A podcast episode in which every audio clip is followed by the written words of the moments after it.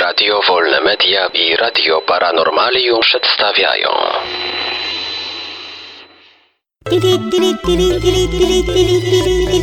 Dziwne informacje.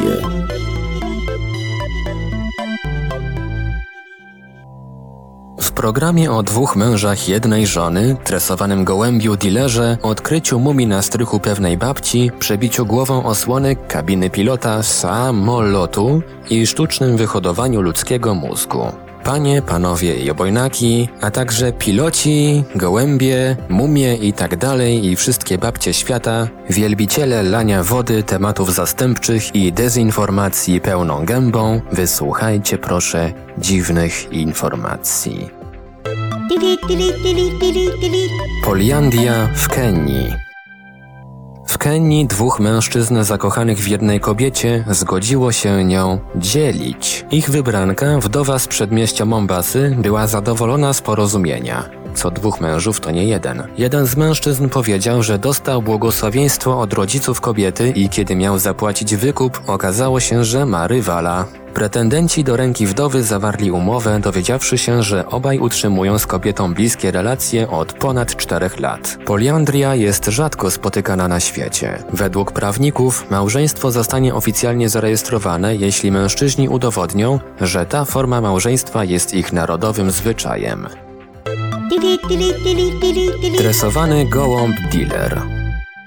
Więzień kolonii karnej w Kirowogradzie na Ukrainie karmił gołębia okruszkami chleba na terytorium części przemysłowej zakładu karnego. To samo robił jego kolega na wolności. Ptak nauczył się przylatywać w te same miejsca o konkretnych porach. Któregoś dnia na terytorium więzienia przyleciał z przywiązanym do łapki bandażem nasączonym narkotykiem. Gdy tylko więzień schował do kieszeni pakunek, został zatrzymany przez strażników. Teraz zamiast pozostałych mu z 15-letniego wyroku trzech lat posiedzi w więzieniu jeszcze osiem. Dziesięciolatek odkrył na strychu mumię.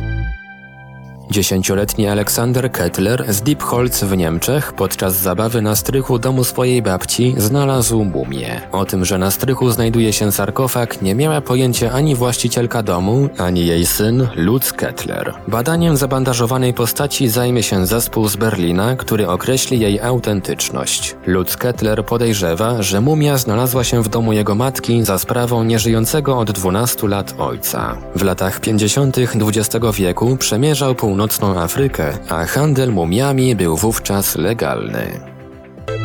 Pasażer przebił głową osłonę kabiny samolotu. 26 pasażerów zostało rannych podczas przebywania dwóch samolotów w strefie turbulencji nad Hongkongiem. Jak podają tajskie media, samoloty leciały z Tajlandii do Hongkongu. 20 poszkodowanych znajdowało się w samolocie Thai Airways A380. Część pasażerów nie dostosowała się do polecenia załogi, która prosiła o zapięcie pasów. W wyniku gwałtownego wstrząsu jeden z nich złamał obojczyk, a drugi przebił głową wewnętrzną osłonę kabiny. Inni pasażerowie umieścili zdjęcia wgnieceń w internecie. Naukowcy sztucznie wyhodowali mózg. Miniaturowy ludzki mózg wyhodowali w probówce austriaccy naukowcy z Instytutu Biotechnologii Molekularnej Austriackiej Akademii Nauk we współpracy ze specjalistami w dziedzinie neurologii z Uniwersytetu w Edynburgu. Wykorzystali oni w złożonym procesie komórki macierzyste. Otrzymana próbka pozwoli w przyszłości prześledzić rozwój mózgu w łonie matki, a także bardziej szczegółowo zbadać różne psychiczne i neurologiczne problemy. Sztucznie wyhodowane komórki mózgu dają możliwość otrzymania o wiele bardziej dokładnych wyników niż do tej pory. Dobra wiadomość jest taka, że naukowcy sztucznie wyhodowali ludzki mózg. Zła wiadomość niestety jest taka, że blondynki, te stereotypowe oczywiście, będą musiały na swój mózg jeszcze poczekać. Dziwne informacje. Wiadomości czytał Ivelios. Wybór informacji i montaż Maurycy Hawranek. Podkład muzyczny Protologic. Produkcja Radio Wolne Media i Radio Paranormalium.